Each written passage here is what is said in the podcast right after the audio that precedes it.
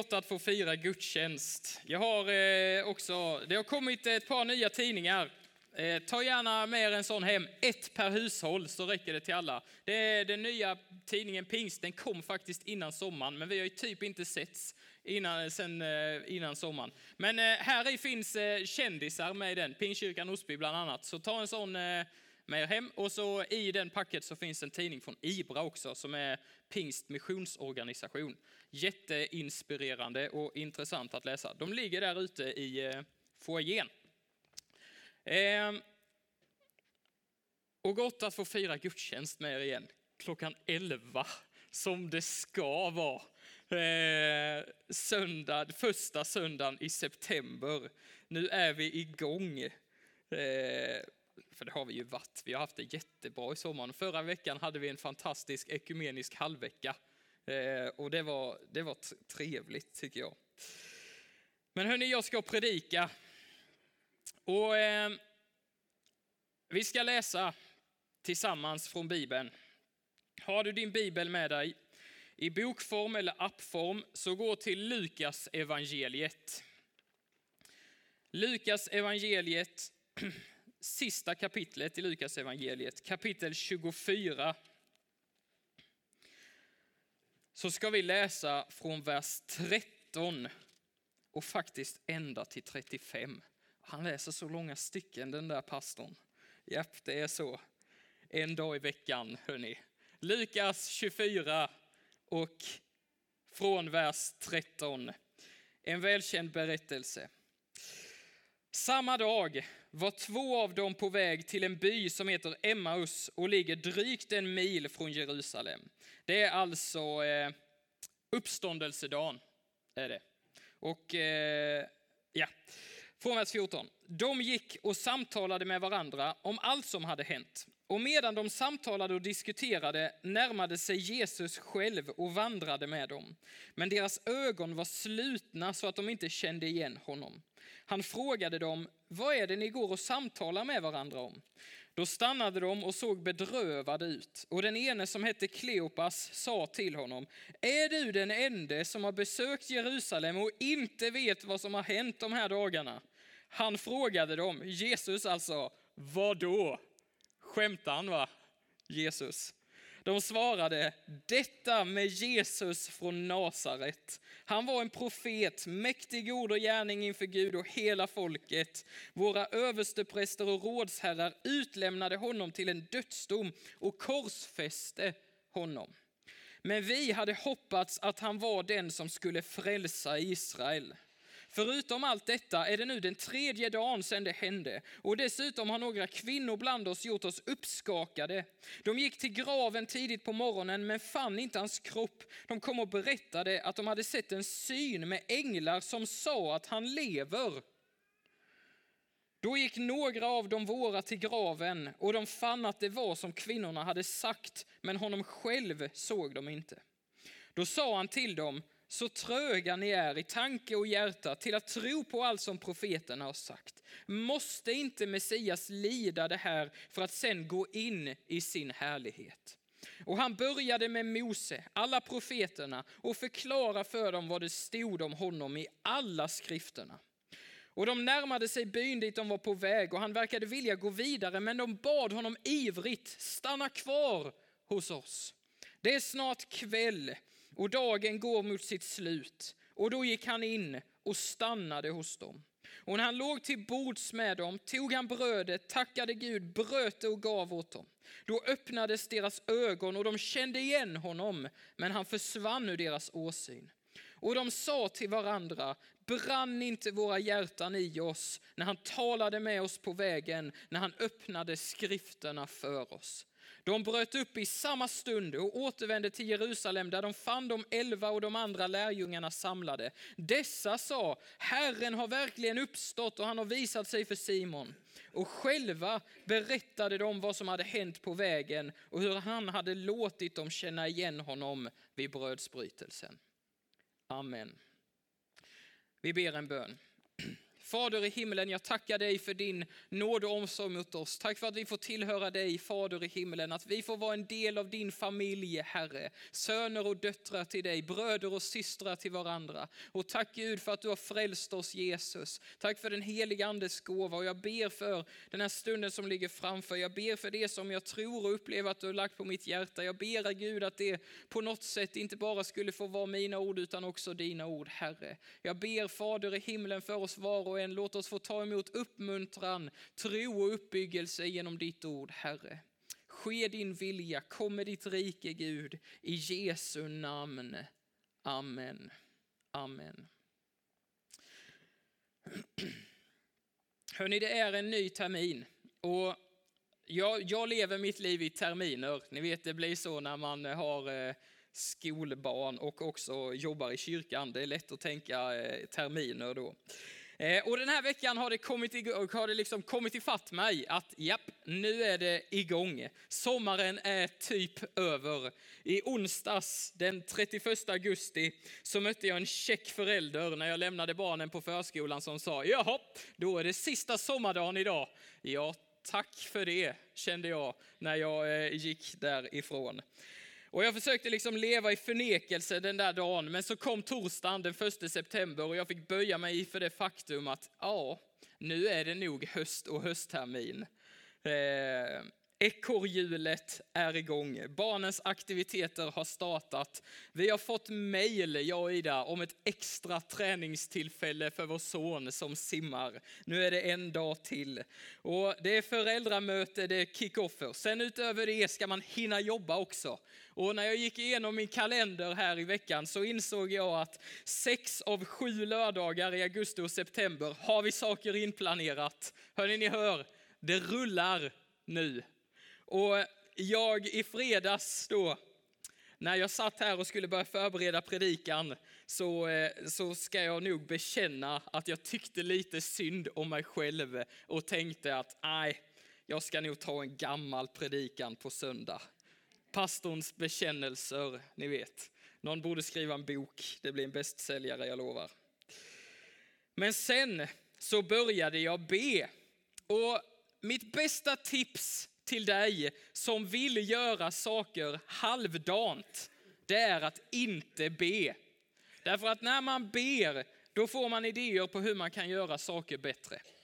Och i fredags då fick jag kasta min självönkan över bord och istället förbereda en predikan inför idag. Så utifrån den här berättelsen som vi just läst, Jesus möte med Emmausvandrarna, så vill jag dela några tankar med er här i terminstart. Och ni har ju hört nu då vad som har gått lite och arbetat och malt inom mig den här veckan.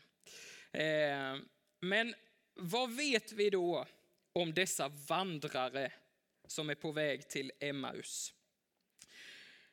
Jo, vi kan läsa ut texten att vi, eh, vi, vi vet att en av dem hette Kleopas. Och om ni som jag har en sån här notis nere i, sin, eh, i er bibel så, eh, så kan man där läsa om att eh, enligt den kyrkliga traditionen och tidiga kristna källor så var Kleopas Josefs bror. Alltså Josef, Jesus jordiska pappa. Så Kleopas var alltså typ Jesus då farbror, jordiska farbror. Så, enligt traditionen. Och det är ju inte säkert att det är så, men det kanske är det så. Men det vi kan läsa ur texten är att de mycket väl kände till Jesus. De visste vem han var. Eh, och det står också att de var hans lärjungar. De var inte del av de tolv eller de elva, men de var vänner med de elva. Så troligtvis tillhör de det utökade följe som fanns runt Jesus när han gick här på jorden. De har sett honom, lyssnat till Jesus, de har umgåtts med honom, troligtvis i ett par års tid. Och de är på väg till Emmaus, en mil utanför Jerusalem. Troligtvis på något viktigt ärende. Och de är upptagna med att prata om allt det som har hänt de, eh, de senaste dagarna. Och sen kommer, händer det här märkliga då att Jesus kommer dem till mötes och går med dem på vägen och gör dem sällskap. Men de känner inte igen honom. Och det är ju mycket märkligt med tanke på vilka dessa är. Och det står att deras ögon var slutna. Och sist i texten, i vers eh, eh 35, så antyds det att Jesus inte lät dem känna igen honom. Och vi kan spekulera i varför det är så och så vidare. Eh, men jag kan ändå någonstans känna igen mig i dessa två lärjungar. Upptagna med livet och allt runt omkring så missar de det faktum att Jesus är hos dem, nära dem, går med dem längs vägen. Och är det inte lite märkligt att oavsett vilket skede vi är i livet, vi människor, så är vi ganska upptagna, eller hur? Oavsett vilket skede i livet. Det är som om att vi dras till upptagenhet någonstans. Och har, ni, har ni till exempel stött på den upptagna pensionären någon gång? Jag vet att ni sitter där ute alltså. För mig är liksom en upptagen pensionär, det är lite som att, eh, som, som, som att försöka rita en fyrkantig triangel. Typ. När en småbarnsförälder hör eh, en pensionär säga så här, ah, jag är så upptagen. Då börjar det någonstans så här rycka i halva kroppen och sen exploderar huvudet. Liksom. Och man funderar över, hur kan du som är pensionär ha så mycket att göra och vara så upptagen? Och nu så vill jag inte klanka ner på er pensionärer här, för jag vet att vi har mycket att göra. Därför att när jag sen tänker efter lite och ser tillbaka på hur det var in tiden innan jag hade barn, så inser jag att jag tyckte att mitt liv var stressigt och att jag var väldigt upptagen då också. Så det är som om att det är någonting med oss människor som gör att vi liksom i alla tider i livet är upptagna med saker. Det är som att det är ett naturligt tillstånd för oss människor. Och jag tror i grund och botten att det är gott att det är så. Att det är bra att vara, att liksom fylla vår tid med, med bra saker. Som människor tror vi att vi är, eh, vi är skapade till Guds avbild. Han har satt oss att förvalta den här världen och vår tid och fylla den med meningsfulla saker. Det är inte meningen att vi bara ska sitta och rulla tummarna, utan vi mår bäst när vi fyller våra liv med saker som är meningsfulla. Och jag märker i mitt eget liv att jag mår bra av att så här i början av terminen ta liksom ett steg tillbaka och ställa in mitt hjärta och fundera över vad är det jag är upptagen av den här hösten och den här tiden. För alla vi människor, oavsett vilka vi är, var i världen vi bor, vi har precis lika mycket tid till vårt förfogande, eller hur? 24 timmar om dygnet, Sju dagar i veckan, 52 veckor per år. Ingen har mer tid än någon annan. Och vad vi gör med den tiden, hur vi förvaltar den, det spelar roll. Och som lärjungar till Jesus så tror vi att han har en åsikt om hur vi förvaltar vår tid. Hur jag förvaltar min tid. Och när man säger det sådär, när jag bara kastar ut det så, så låter det ju som ännu ett ok att bära, eller hur? Menar pastorn att utöver alla åtaganden jag har, familj att ta hand om, träningar att skjutsa till, arbete att sköta, verksamheter att engagera sig i. Menar du att Jesus också vill någonting med mitt liv? Japp, det är precis det jag menar. Men grejen med det här är att det här är inget som Jesus liksom kommer ovanifrån och lägger på oss. utan hans vilja och liv är någonting som kommer underifrån och lyfter oss.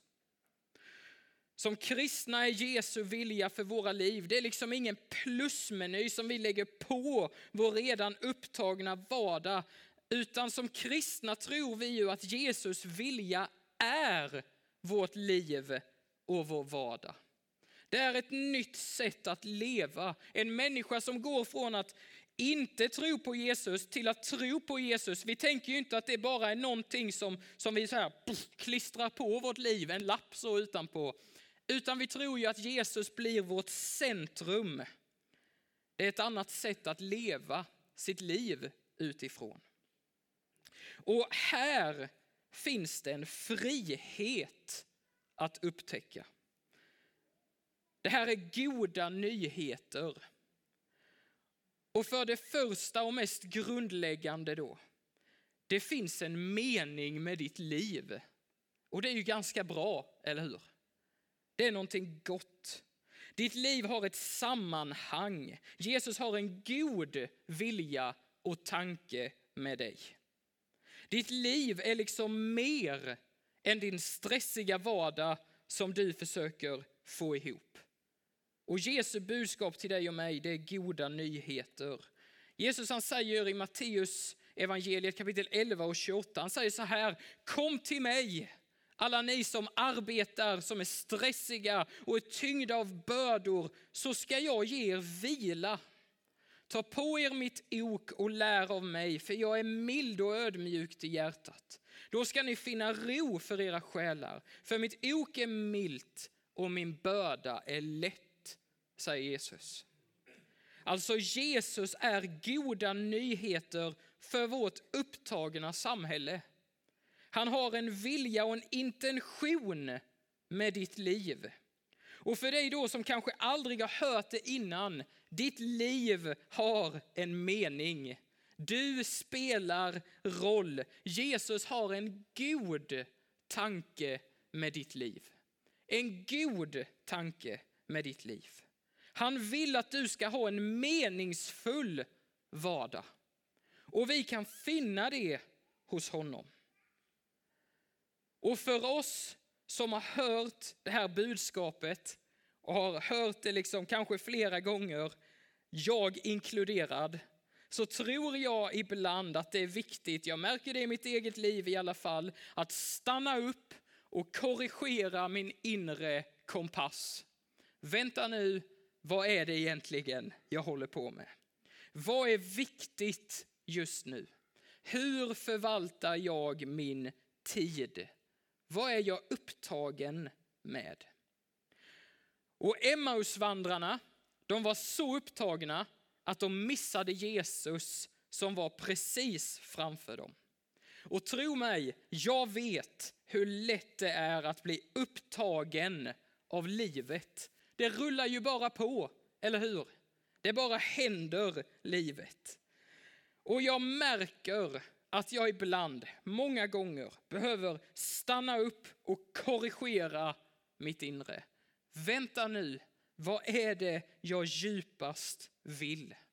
Jag märker att jag behöver hitta tillbaka till Jesu vilja med mitt liv. Och tänk vad fantastiskt det är ändå. Att livet är mer än det som vi ser med våra ögon. Det är mer än vårt tunnelseende. Livet är mer än din och min stressiga vardag. Och vi behöver inte leva så. Ibland så, liksom vi har såklart åtaganden vi behöver göra. Jag vill att mina barn ska ha en meningsfull fritid och spela fotboll och simma liksom. Jag vill det. Och därför så är jag liksom, skjutsar jag dem till träning fyra gånger i veckan. Men ibland behöver, tror jag också, vill säga det, att du behöver inte leva så. Du behöver inte leva så. Det finns ingenting som säger att du måste jobba 100 procent. Liksom. Du måste inte det. Det är liksom, Jesu kärlek hänger inte på att du arbetar fem dagar i veckan. Liksom. För Jesus han har en annan vilja, en annan tanke med ditt och mitt liv. Livet är mer än din och min vardag. Vi, och Jesus han har gett oss ett uppdrag. Älska Gud och älska människor. Vi är kallade att vara människofiskare i vår vardag. Och när vi söker hans vilja och lever våra liv i linje med, med hans vilja så säger Jesus så här i Matteus 16 och vers 31. Bekymra er därför inte och fråga inte vad ska vi äta eller vad ska vi dricka eller vad ska vi klä oss med. Allt detta söker hedningarna efter, men er himmelske far vet att ni behöver allt detta. Nej, sök först Guds rike och hans rättfärdighet så ska ni få allt det andra också. Alltså fatta vilket otroligt löfte. Vilka otroliga ord Jesus faktiskt säger. Vågar jag tro på dem? Vågar jag följa dem? Men Jesus löfte är att han tar hand om de sina, om dig och mig som tillhör honom. Och när Kleopas och hans kompis är på väg till Emmaus så är de modlösa. De är så upptagna med det som har hänt, de är bedrövade. Är det så här det ska vara nu? Frågar de sig. Är det detta som är vår vardag? Betyder det där som Jesus gjorde ingenting? Men så stannar de upp och Jesus han börjar tala och de lyssnar på honom. Och plötsligt efter samtalet med honom så öppnas deras ögon och deras inre och de får ny energi och ny inriktning. Lukas 24.32 brann inte våra hjärtan i oss när han talade med oss på vägen. När han talade med oss på vägen. För den trötte, upptagna vandraren så finns det ny kraft, ny energi, en fräsch inriktning. Jesus kan och vill ge det. Och när vi ställer våra liv i linje med hans ord, hans vilja, så kommer han till mötes och våra liv kan få bli uppfyllda av honom. Han vet precis hur du och jag har det. Och hans ok är milt. Hans börda är lätt, säger han om sig själv. Och i veckan här så funderade jag över hur jag egentligen ska få min tid att gå ihop. Du vet, man kan önska att man hade ett par timmar till om dagen, eller hur? Det hade varit fint. Eller en extra dag i veckan. Men det går ju inte. Och igår så var vi ett gäng på lärjungakurs i Karlshamn och det var fantastiskt. Det var jättebra och superinspirerande. Hur kan vi vara och göra lärjungar som gör lärjungar? Ibra tillsammans med pingst höll i detta. Och för mig var det ett sånt inriktningstillfälle. Det fick mig att inse att ja, men det är detta det handlar om. Det är detta jag vill göra, det är detta jag vill ägna min tid åt. Men så sitter man där också och inser att ja, men när i hela världen ska jag hinna detta då? då? Mellan allting. Men det fina med Jesus är att han vet allt det där. Han vet din innersta längtan. Han vet vad du och jag önskar och hoppas på. Och i veckan fick jag en befriande tanke när jag då funderade över detta och missionsbefallningen. Jesus säger i Matteus 28 och 19, gå därför ut och gör alla folk till lärjungar, säger han. Ni vet, puff, så kommer en sån klisterlapp till. Ah, detta med ja, just det. Men när man läser det här rakt av så låter det som ännu en sak att göra, ännu ett ok att bära. Men om vi gräver lite djupare och tittar i grundtexten så är orden gå ut, den verbformen där den är i aktiv form, vilket betyder att det står medans ni går. Alltså medans ni lever ert liv och är i er vardag, gör lärjungar. Och genom vers 18 förstår vi, som versen som kommer innan, att det inte är beroende av vår makt, vår kunskap eller förmåga, Jesuslivet. Utan det är beroende av Jesus makt, kunskap och förmåga. Han vet våra begränsningar, både när det gäller tid och förmåga. Men de är inget hinder för honom. Hans ok är milt och hans börda är lätt. Och det här gör att mina barns fotbollsträning inte blir ännu en sak som fyller min kalender, en ännu klisterlapp, utan det blir ett missionsinitiativ. Eller hur? Medans du går, medans du går på fotbollsträning Johan, gör lärjungar. Medan du sitter i fikarummet på jobbet, gör lärjungar. Medan du pendlar till jobbet, gör lärjungar. Ni fattar. Det handlar om att ta ett steg tillbaka, se att Jesus faktiskt går med oss mitt i vardagen på vår vandring. Att leva sitt liv och sitt vardag med intention och se att vänta nu, Jesus är här också på denna platsen. Jesus han äger all tid. Och när vi, du och jag, ger vår tid till honom och säger jag vill vara med. När du ställer ditt liv, din vardag och din tid till hans förfogande kommer han fixa det. Lev ditt liv med intention. Följ Jesus. Och att följa Jesus det är att leva utifrån ett annat centrum. Det är att ställa sin vardag till hans förfogande. Oavsett hur upptagen du är så kan han göra något. I promise. Det är ett äventyr och det är meningsfullt.